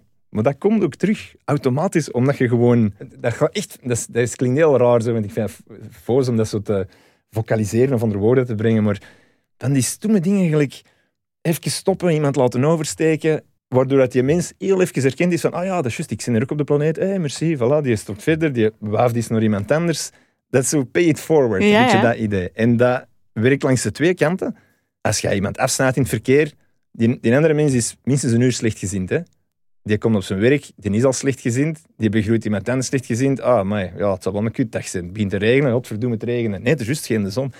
Zo, geen enkel feit is een geïsoleerd feit. Geen enkele mens is echt geïsoleerd. Alles hangt dan één. In grote en kleine dingen. En het gaat gewoon over een critical mass die je moet kunnen bereiken. Het feit dat je erin gelooft, verandert het al. Eigenlijk is dat wel superwetenschappelijk. Ken je het onzekerheidsprincipe van Heisenberg in de kwantumfysica? Nee. Voilà, onzekerheidsprincipe van Heisenberg, zoek het maar eens op. Dat is een, kwantumfysisch eh, concept. Dat en dat zegt, en dat is bewezen ook, dat je nooit tegelijkertijd de snelheid eh, en de, het momentum van een deeltje kunt, rekenen, kunt eh, vaststellen, omdat het feit dat je het deeltje waarneemt een invloed heeft op het deeltje. Kort gezegd betekent het, de waarnemer heeft een invloed op wat er gebeurt. Er zijn kwantumfysische experimenten ook, en gedachte-experimenten van eh, Schrödinger's kat. Zolang dat je die doos niet opendoet, is de kat tegelijk levend en Levend dood. Het is door dood. Het act van het waarnemen dat je de realiteit beïnvloedt. Dat is hetgeen wat het boeddhisme al 3000 jaar beweert. Dat de realiteit wordt gevormd door de waarnemer. Maar dan is kwantumfysisch op een soortgelijk niveau eigenlijk bewezen in de wetenschap. Hetzelfde geldt een klein beetje voor uw maatschappij, uw filosofie en wat, wie de mens nu eigenlijk is. Het is allemaal niet zo simpel als we gaan even wetenschappelijk beweren of dat de mens goed of slecht is en dan kunnen we de wereld erop aanpassen. Nee, die twee hangen samen. Het gaat in twee richtingen. Voelt je dan ook... Vervelend, maar het is. Ja, want, eh, want vanuit die optiek, je, je bent niet alleen observator van de wereld als comedian, je bent ook participant, kun je niet los van elkaar koppelen. Mhm. Voelt je dan ook een verantwoordelijkheid bij het maken van je shows? ja, verantwoordelijkheid om goed begrepen te worden. Dat is om dat mensen zouden horen wat ik wil zeggen. Eh, en als mensen consistent iets anders blijven horen, ja, dan kan ik dat niet meer blijven zeggen. Maar dat gaat, ja, dat gaat over veel dingen. Hè. Als je iets grappig bedoelt, je wilt iets grappig, je wilt, bedoelt echt goed, comes from a good place. Maar mensen blijven het verkeerd horen, dan kun je het niet gebruiken. Maar dat, dat, dat zit hem meer in de overdracht misschien, dat zit Ja. hem minder in de boodschap. ja, de boodschap is ook altijd maar alleen, het is maar wat ik ervan denk. ja. Je wilt niet... Het is, ja, ik vind het moeilijk om mijn vinger erop te leggen, omdat ik zo het idee heb dat wat ik je hoor zeggen is ja, ik ben idealistisch, maar er zit geen meesterplan achter. Het is zo wat per ongeluk, par hasard, maak ik shows die super... Allee, Uh-huh. ja, dat is toch, dat is toch vreemd? Is dat niet, per ongeluk is het niet dat we allemaal door het leven huppelen en rollen en Maar dat is niet waar, hè? Je hebt toch ook je hebt toch eh, comedy, films, eh, cultuur, dingen die gemaakt worden die perfect daar losgekoppeld van zijn, nee? Misschien. Oh, ik weet het niet. Het is een interessante. Geen idee. Dat kun je beter in retrospect proberen te analyseren Ja. dan op het moment zelf, denk ik. Dat de geschiedenis zich pas een beetje gaat onthullen eh, op, eh, op langere termijn. Ja, Wat ook de definitie is van geschiedenis. ja voilà, voilà. Nu, sowieso, Maar, ehm, wat ik ook meen te maar herkennen... filosofisch aan het gaan? Ja, ja, Jezus. maar echt, maar ik ben nu aan het proberen Dat te gronden. Harry, Harry Potter Ja, en zo. We komen er nog op. Sowieso, wat ik meen te herkennen in jou, Michael, is een, eh, een zekere vorm van rusteloosheid. Mhm. Ja, oké. yes. Eh? Onrust. Letterlijk en figuurlijk, hè, je Vespa en zo, graag in beweging. Waarbij dat ik, om een andere, Eh? niet, kwantumfysica, maar een andere filosoof erbij te halen, Dat is wel Schopenhauer, zowat de strijd tussen enerzijds verveling en anderzijds eh, smart, om het zo te zeggen. He- Heb jij echt nood aan zo... Aan beweging om stil te staan. Dat is bizar, maar zo, zo werkt het op een of andere manier toch. Hoe werkt dat? Het is door onderweg te zijn, ja, ik het toch, dat je kunt nadenken en stilstaan bij de dingen. Shit. Dus eigenlijk, het nadenken over het leven doe jij van op de Vespa. Onder andere, ja. Terwijl je stilstaat, dan ik denk ik altijd bezig met vertrekken. dus dat is niet goed. Want eh, er zijn ook veel mensen die ja, nood hebben aan... Of mensen, ik denk dat dat gewoon des mensen is, tout court, om de nood om reflectie te hebben, maar dat uit zich dan gewoon anders. Bij u is dat dan echt door... Ik weet niet of dat anders is. Nee? Is dat anders? Hoe doe jij dat? Ik ben iemand die gewoon permanent Ik overanalyseert. denk dat iedereen dat wel heeft. Hè. Je wilt nadenken, ga dan wandelen. Je gaat niet in je zetel zitten, hè, denk ik. Goh, ik weet dat niet. Mediteren is misschien het grootste omgekeerde ervan. Ja, ja, ja. Maar dat is ook niet nadenken, hè. dat is net niet. Dat is niet- proberen niet na... Maar ja, Ja. als mensen daar bijna niet toe in staat ook. Nee, dat weten de boeddhisten ook, hè. die vinden dat niet erg. Nee. Dus als je dat ene keer ooit in je leven meemaakt, dan zit er. En anders niet. Vinden ze ook niet erg. Ik vind wel een coole levenshouding. Dus eigenlijk, dat, dat is het gewoon. Allemaal streven naar boeddhisme, Ja. sowieso. Zeg, wat gaan we doen? Mediteren. Wat is dat? Stilzitten. En dan? Oh, gewoon stilzitten. Ja, maar ja, dan begin je van alles te denken. Dat is niet erg. Eh, gewoon terugademen. Zit zit wat stil. Ik had het daarnet over. eh, ik had het daarnet over hè, uw shows. Dat ik zei van ik merk dat daar veel research in zit. eh, dat dat echt de bedoeling is dat dat gefundeerd is. Eh, je haalt daar veel bronnen bij. Nodig. Ja, Vind ik wel nodig. Nodig, ja. Maar- ja, dat vind ik wel. Dat research is. Nee, nee. Dat vind Nee, ik wel nee, nodig. Sorry. Dat, dat is iets dat je duidelijk ook merkt gewoon in je conferences. Is dat zo goesting? Is dat noodzaak? Is dat... Nee, omdat ik vind dat dat vind ik belangrijk gewoon. Ik vind Ja. ook zo... Niet alle meningen zijn evenveel waard. Hè. Iedereen mag een mening hebben, tuurlijk. Ja. Maar die zijn niet allemaal evenveel waard. En dat heeft ons de afgelopen twee jaar gigantisch duidelijk gemaakt. Dat niet elke mening evenveel waard is.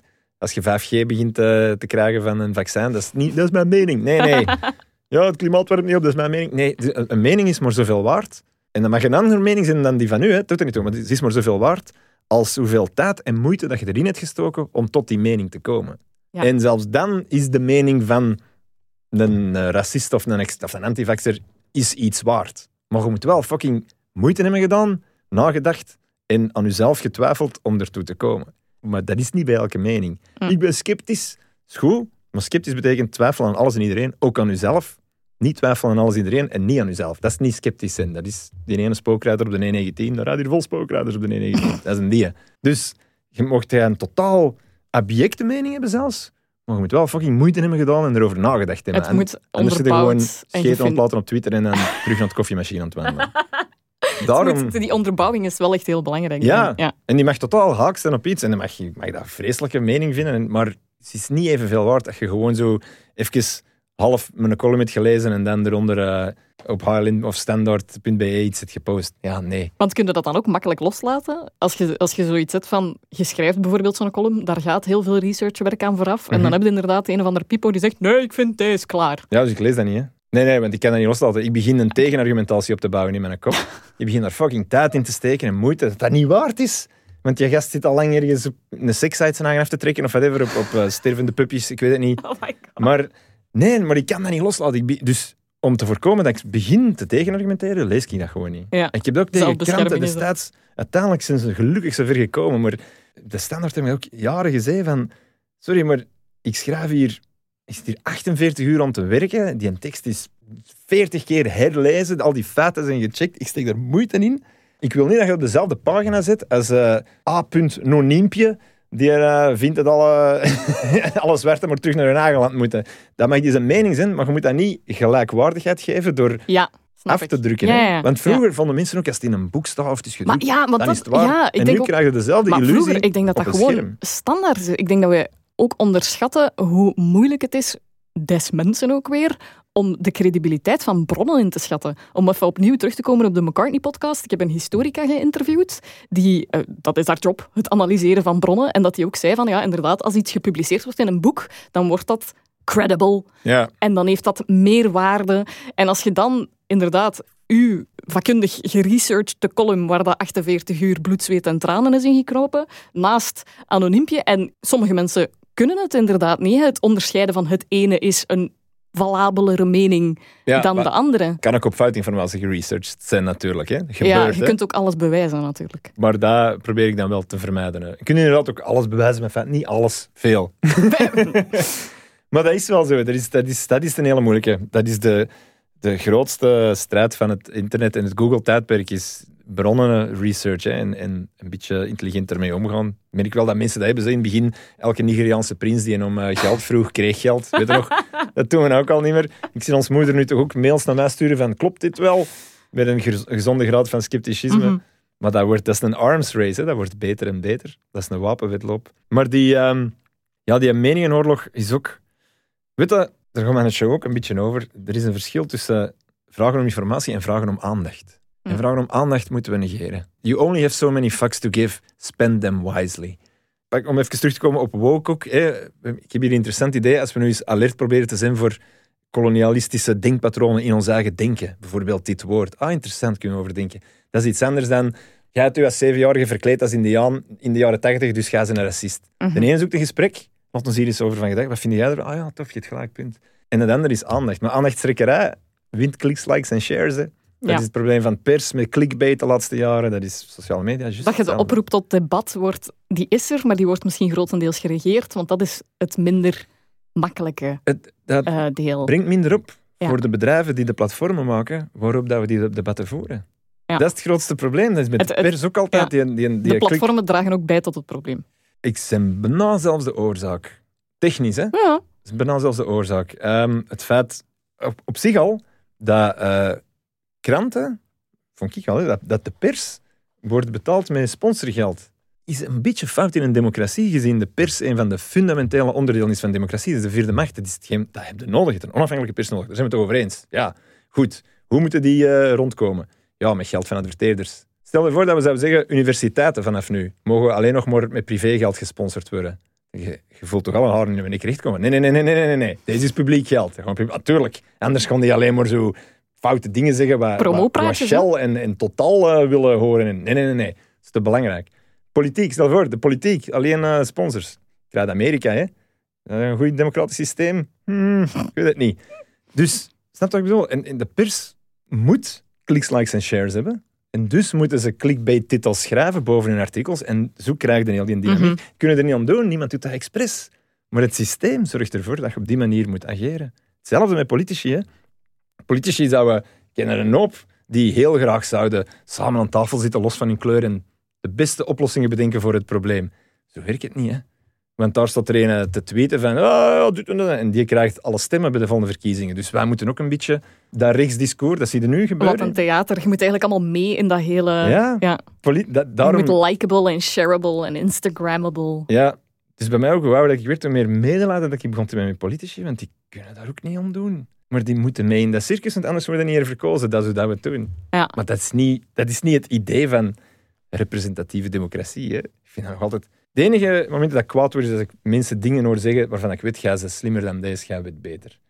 Als ik een politicus met heel veel intellect dingen hoor zeggen van, ja, maar nu zit nu zit aan het liegen. Zeg, je dommer aan het voordoen dan dat je ze... Dat haat ik. Dat is hypocrisie waar ik niet op af kan. Een die theater meespeelt, spat, maar één die zo doet van, ja, ach, hè, we proberen wel. Politiek is het georganiseerde meningsverschil. Is dat zo? Nee, dat is niet wat dat is. Theater, hè? Theater. Ja. ja, het is theater. En, en we hebben geen beter systeemakkoord, dus laten we proberen eraan te schaven. Maar komt niet even met eh, de parlementairen, dan, dan stemmen ze naar eer en geweten en zij zijn dan een afspiegeling van de maatschappij. En zo weten we waar de maatschappij heen wil. Nee, zo werkt het niet. Nee. om na uh, bijna uh, een uur en een half is op Harry Potter te komen. Ja, verdomme. Ik dacht dat we het daarover gingen hebben. Dan zit ik hier weer. Ik dacht dat we gingen stoppen met al die serieuze shit. Nee, nee, nee. Maar voor... Ingelast, hè. ik heb u er keihard in geluisterd. voor... Ik ben al de hele tijd zo aan het proberen um, in een van die huizen te krijgen. Het is onmogelijk. Oeh. Ja. Wacht, dat heb ik misschien ook nog een manier hoe dat ik u erop ingeluisterd. Er is niet per se een sluitend antwoord. Maar wat ik sowieso nog wil vragen, voordat ik misschien even daar nog verder op inga.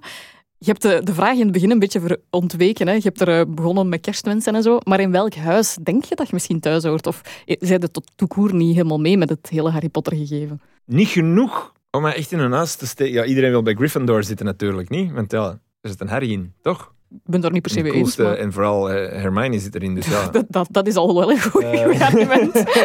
Punt. Maar um, nee, ik, voor mij was... Ik vond... Uh, ik, veel mensen kwaad maken, maar dat is, dat, is, dat is een generationeel dingetje. Ik vond Harry Potter een keer... Ik vond dat heel graaf dat opkwam, maar ik vond dat een kaarde van rip-off van Tolkien, want deze hadden we toch al gezien, een hele fantasiewereld die gemokt wordt. En we hadden vroeger Dungeons and Dragons en Oog des Meesters, dat bestond toch allemaal al? En dan komt er iemand met een tovenaar even en dat is ineens uh, Dead Poet Society meets uh, The Hobbit. Dat was dat voor mij. Wacht, hoe, hoe, hoe zit Dead Poet Society daarin?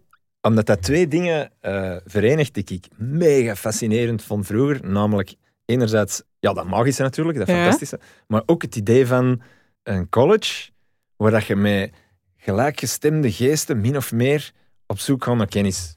Dat was ah, vroeger, okay, ja, dat was, Captain my Captain, maar dan in Harry Potter-stijl. Ja, ja, exact. Dat is bij mij vroeger. Oxford, Cambridge, wat ik, oh, MIT. Ik was zo graag naar die, die Amerikaanse universiteitsfilms van de jaren 80. Real Genius, met Val Kilmer, als ik mij niet vergis. Ik weet of die kent. Van die nerd, Revenge of the Nerds. Ja, ja. Bijvoorbeeld. Dat was ook die nerds, die komen van al science, wetenschap. Vond ik zo cool, dat wou ik zien. Samen in een frat house en dan zo rare shit bedenken. Ja. En Harry Potter is eigenlijk een magische, kijk, een magische combinatie. Ja, ja. Die twee dingen. Dus die zoekt toch naar kennis. Maar ik was juist te oud toen. Voor de Harry Potter... Uh... Ja, om daar op diezelfde manier uh, mee in te uh, klikken. In te stappen, ja, ja, ja. Maar dat is inderdaad... Ik had dat helemaal gehad met... Met Tolkien dan? Tolkien, ja. Dus als ik zeg de huizen, doet dat überhaupt een belletje rinkelen? Of is dat dan... Ja, ik ken ze wel. Hè. Ik heb de, de, boeken niet gelezen, ik heb de films wel gezien.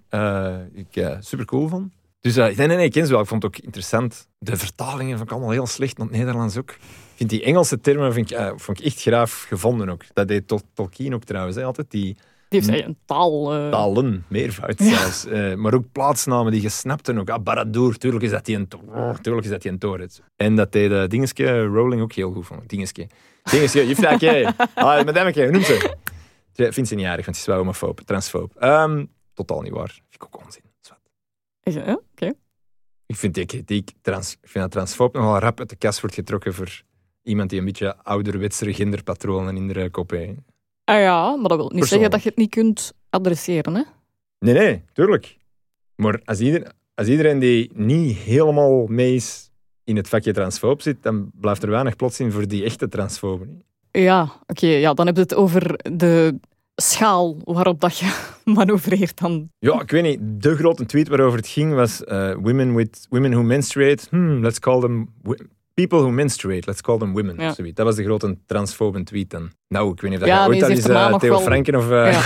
van Grieken... Maar ze heeft daarna nog wel zo wat extra, hoe noem dat, olie op het vuur... Ja, ze is er niet van teruggekomen. Gesmeten. En ik denk, ik denk dat het... Want dat is uiteindelijk wat je daar straks ook al benoemd hebt. Ik denk dat het grootste probleem vooral zit, niet noodzakelijk in het feit dat ze een foute uitspraak heeft gedaan, maar dat ze weigert om zich open te stellen voor de mensen die zeggen, wacht, dat was misschien een beetje pijnlijk. Ja, maar ook omdat veel van die mensen dat niet op die mooie op manier, die manier ja, ja, ja, Als, je, als, het genu, als het genuanceerder gebeurt. Maar dan, dan zou dat debat er wel moeten zijn geweest. En dat is er tot op vandaag nog altijd niet geweest, natuurlijk. Mm, enfin, wacht, waar. nu, waar, waar Nee, maar dat is inderdaad, ja. Dat is de dynamiek weer, hè. Ja. Ga een racist. Och, jongen. Hup, lap.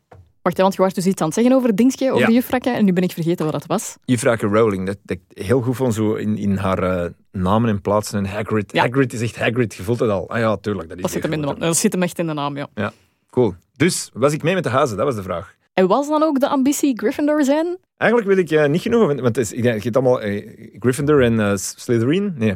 Gryffindor, Slytherin, Ravenclaw, Hufflepuff. Ah wel, Ravenclaw en Hufflepuff, maar die twee anderen zijn zo'n beetje de de kleine broertjes en zusjes, niet? Laat ons zeggen, Gryffindor... die moeten er ook zijn, maar... ja, ja, Doen die mee? In de boeken iets meer, maar ze, krijgen, ze zijn ondervertegenwoordigd, hè, voor alle duidelijkheid. Maar als je zegt, kort gezegd zouden we kunnen zeggen... eh, Gryffindor protagonist, Slytherin antagonist, Ja. Hufflepuff henchman en Ravenclaw eh, de nerds die uitzoeken hoe dat je het zou kunnen oplossen. Ravenclaw dan. Fuck it. Ja. Ik vind het sowieso al cool, dat is een vogel. Ja. Onderdeel, toch? Ja, zeker. Dus zeker. kan ook vliegen, maar dat is meer een dikke kalkoen met vleugels dat af en toe in de fik schiet, niet? Aesthetic is heel belangrijk. Oké. Geef nou een Ravenclaw. Wat kleur is dat? Is dat blauw? Eh, afhankelijk van de films of de boeken is het zilver en wacht, hè, zilver en blauw of brons en blauw. Dus je kunt nog kiezen. Cool. Zilver en blauw dan. Maar oké, dus eigen voorkeur Ravenclaw, dan denk ik dat ik sowieso al wel kan bevestigen dat ik wel wat Ravenclaw-kantjes in u heb herkend. Alleen weet ik dus niet, dat bedoel ik met dat ik het heel moeilijk vind. Ik heb het idee dat ik u moeilijk kan... Nu sowieso, voor alle duidelijkheid, dat hele sorteergebeuren, dat is ook maar arbitrair. Hè? Als in, niemand Ja, is... want dat deden de nazi's ook hè, destijds. Ik weet niet of je dat weet. Maar bon. Ah, dat is heel de opzet van deze Ja. podcast. Fucking fascios. Eh, nee, nee, nee. Maar dus, dat is super arbitrair, want daar is het gewoon. Hè, we steken u in, bij wijze van spreken, onze TSO, ASO, BSO. eh, en je bent veel... Je bent multidimensionaal, dat klopt nooit. Maar, Fluïde. voilà. Ik ben huisfluïde. En je kunt, je kunt switchen van huis. Maar ik vind het moeilijk omdat ik niet goed kan inschatten wat bij u de prioriteit heeft. Omdat bijvoorbeeld, ik voel heel hard die voorliefde voor kennis. Hè? Bronnen, Yes. onderzoek, research, creativiteit. ehm, De dorst naar waarheid. Ja, zelfs niet naar waarheid. Gewoon de dorst naar nieuwe input en prikkels. En True. overal en ergens die gaan zoeken, al dan niet op een Vespa. En in dingen gaan duiken en u openstellen voor input van andere mensen. Dat is, dat is iets dat heel hard Ravenclaw typeert. Maar anderzijds, wat heel erg u is, denk ik, heel erg Michael van Peel, heel erg typisch u is, is ook wel dat, dat het onmogelijk is om met u een gesprek te voeren zonder dat het uitdraait op, ja, filosofie is misschien een groot woord, maar zo tot debat, tot discussie, tot ik heb wel een mening en ik, ik wil wel... Zo dat furieuze zit er zo ergens ook wel in. Slytherin dan. Ja, Heb je ooit al iemand Slytherin gehad? ja. Wie? Wacht, want dan moet ik Een even... Alex waarschijnlijk. Nee, eigenlijk niet. Die, die heeft wel Slytherin kanten, hè. Die, die, maar ja, die meer, eigenlijk. is die meer Gryffindor dan dat hem denkt. maar dat is gewoon omdat hij ook net dat politiek engagement zo serieus neemt in zijn shows. Omdat, hij, omdat hij zodanig veel zoiets heeft van ik wil en ik moet dit in mijn shows. Allee, die zijn wereldbeeld, dat is ga naar een show en je kunt daar niet rond, toch? Nee, nee, nee. Maar, maar die is inderdaad, dat is een Maar veel... zijn een aesthetic Slytherin, dus dat is een... Is een sterke Slytherin, maar hij is, hij is, hij is Dat ziet Superman. er stoer uit, ja, ja. Hij is Superman van inborst, dus dat is, eh, dat is Gryffindor. Terwijl ik ben meer Batman. Ja? Zit meer Waar, Batman waar dan zit het Superman. verschil? Batman zit in de, in de schaduw te zien en die, gaat, die krijgt klop en die, Ja, maar nu Zit- zitten we weer zo dat cynische kantje te benadrukken, maar je bent niet cynisch. die toch? zit in het midden van de nacht bovenop een gebouw te zien, terwijl dat Superman smiddags naar de, zee gaat. Maar, want als ik kijk naar u en Alex, het is allebei toch een beetje fulmineren wat dat je doet. Dus in dat opzicht zijn allebei Superman dan. Mm, nee, hij is meer Superman. Ik ben Batman. Batman rijdt ook met een auto, hè. Dus ik ben ook een auto-freak. Plus ik ben echt iemand... Ik ben een nacht... Een nachtuil ook. Ik hou niet van de dag. Want ik, ik heb altijd Batman bijvoorbeeld meer geassocieerd inderdaad met zo dat... Getormenteerd. Ja, Dat dat zei, het, zei, zei het dat? Ja, van buiten niet, maar van binnen wel, ja. Ik zie Oh, ja, Clark Kent. Van buiten een blij, blijheid, niet, niet qua lichaam, maar qua blijdschap. Behalve een bril. Ja, want maar, ik ga er nu even een quote die op uw eigen website staat, eh, ai, ai. gegeven door uw moeder. Mm, En zij kan het weten, zou ik denken. yes. Uw moeder omschrijft u als een lollige cynicus gevangen in het lichaam van een chronische optimist. Ja, Maar die op dat optimisme zit er dan toch nog altijd weer. in dat lichaam. Ja, Ja, maar niet in de... Het is een cynicus eh, gevangen in het lichaam van een optimist. Ah, oké. en lollig voor het nog wat vrolijk te maken, denk ik. ja oké. zo als in, we kunnen er beter mee lachen, want anders beginnen we te blijven. Er, is ook veel, er zit ook veel lol in, in apocalyptische toestanden. Hè? Alles gewoon de kloten. Woehoe, feestje. De band played on terwijl de Titanic naar de, de ijszee induikt. Weer hetzelfde, hè? je kunt er een beter feestje van maken dan. Ik wil niet zeggen dat het niet naar de kloten gaat. Oké, maar met die redenering in het achterhoofd denk ik dat we dan toch inderdaad eerder bij Ravenclaw uitkomen. Omdat ik zat een hele tijd, omdat je hebt heel veel idealisme benoemd, al dan niet expliciet. Mhm. En dan zit ik ofwel bij Gryffindor of bij Hufflepuff. Huff- Hufflepuff draait, je hebt het gaat over connectie. Hè? En je, in een zekere zin dat je bijna lijm wilt zijn of zo, denk ik, tussen, tussen mensen of tussen groepen. Dat is iets, dat is denk ik een, dat is een Hufflepuff. Wijzen waar de lijm staan meer. De lijm zijn wil ik niet zijn.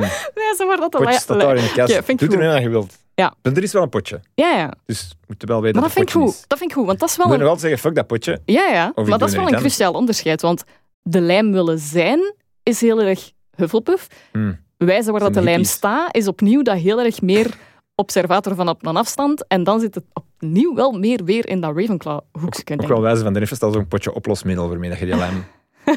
staat er Als je het niet wilt, dan... Je moet het zelf weten, maar het staat er wel even. Ja, en dat is dan... Eigenlijk is dat ook weer, hè, om even terug te komen op, op geschiedschrijving, dan heb je eigenlijk... Hagiografie. Is dat Ja, niet? of historiografie, waarbij dat je eigenlijk de tegengestelde moet benoemen. Hè. Je, je benoemt de twee kanten en dan zeg je, doe ermee wat je wilt. Right. Wat geschiedschrijving nooit doe. Maar Wat in theorie zou moeten doen om Inderdaad. betrouwbare geschiedschrijving ja, te doen. dan Ja, besef ja. je dat dat helemaal niet zo is. Ja, de- de- ook, al- alles heeft een agenda, maar in theorie. Hè, Mhm. Maar dan denk ik wel, als dat je primaire motivatie is om, om dingen te doen, te maken, dat je dan wel eerder in die Ravenclaw-coté zit. Oké. Ik zit in bij Aragorn, bij Tolkien dan. Zit hij daar? Ja, waarschijnlijk. Ik zou... Wacht. Nee, Aragorn is eerder Gryffindor, zou ik denken. Goddammit. Oké, de hobbits, maar dan de, het, het genus van... eh, De hop, wacht, hè, Frodo. als, we, als we Tolkien even proberen te sorteren. Hè, even eh, on the top of my head zou ik zeggen... eh, de hobbits zitten in Hufflepuff. Aragorn is Gryffindor. Ehm, en nog de elfen. afhankelijk van de motivatie. Gandalf. Gandalf... is toch niet allemaal gemakkelijk te sorteren, die Nee, jongens. nee, nee. Het is een hè? Come on. Ja, oké, maar opnieuw... Het is een Dumbledore. Dat was ook een trouwens. Ook een kaarde Dumbledore eh, Gandalf. Ja, dat is bijna één op Ik heb één. je nou hè. eens gezien. Ah ja, maar niet. Opnieuw, het, het hangt bijna altijd af van drijfveer en motivatie en waar dat je denkt dat je het best tot je recht komt. Oké. Als de voornaamste motivatie zou zijn, ik wil mensen wakker schoppen en er zit een soort van activistisch kantje aan of zo, dan zou het eerder Gryffindor zijn. Mm, Maar dat is dan ook niet, hè? nee, dat heb want ik die- succesvol die- verdrongen, dat stuk. Ja, en daarvoor heb je ook zoiets van, daar neem ik de verantwoordelijkheid ook liever niet voor, misschien zelfs, of zo. Er zijn al veel eh, heel slechte dingen gedaan in naam van... eh, ik bedoel, er, er was zo'n... eh, 2000 jaar geleden zo'n gast die zei... eh, eh, misschien eh, pro- probeer het anders te behandelen zoals je zelf behandeld wilt worden. Je ging vissen met 12 maten, ken je hem? Jesus eh C. Ik weet niet of je weet hoeveel, ja, de eh, hoeveel vrouwen daarvoor verdronken zijn en mensen eh, neergekogeld en, en kot met oenst. Dus dat is niet altijd zo'n goede... Nee. Dan liever nog wat in de boeken duiken en research doen. En, ja. Hou het kleinschalig. Dank je. Nee. Maar dan denk, ik dat we, dan, dan denk ik dat we veilig kunnen concluderen dat Ravenclaw het huis is voor u. Zit je daar tevreden mee? is, dat, is dat de vogel? Tuurlijk. Oké. Batman. Ah, The Bat. maar dat is The geen- Raven. Ah ja, oh, ja, oké. Zie, komt allemaal samen. Komt allemaal samen. en een. Batmobile. En een. Eigenlijk is het vooral omdat je dan nog altijd schaamteloos met een auto kunt rijden Mm, en een Vespa. Ja, car. ja, voilà. Chicks love the car. Oké, maar dan ga ik het u heel graag laten zeggen. Jij bent Michael van Peel. From House Ravenclaw. Alright. Kijk goed. Dank je. Cheers. Ziezo, weer al een aflevering van The Sorting Hat Revisited overleefd, geheel in stijl van Rebel van Peel. Die mag zich vanaf nu officieel Ravenclaw noemen. Mede-homies van Huis Ravenclaw mogen zich melden via Facebook of Twitter, VDL of met de hashtag The Sorting Hat Revisited. May the Force be with you en tot de volgende Nerd Podcastception. Merci voor het luisteren en Mischief Managed.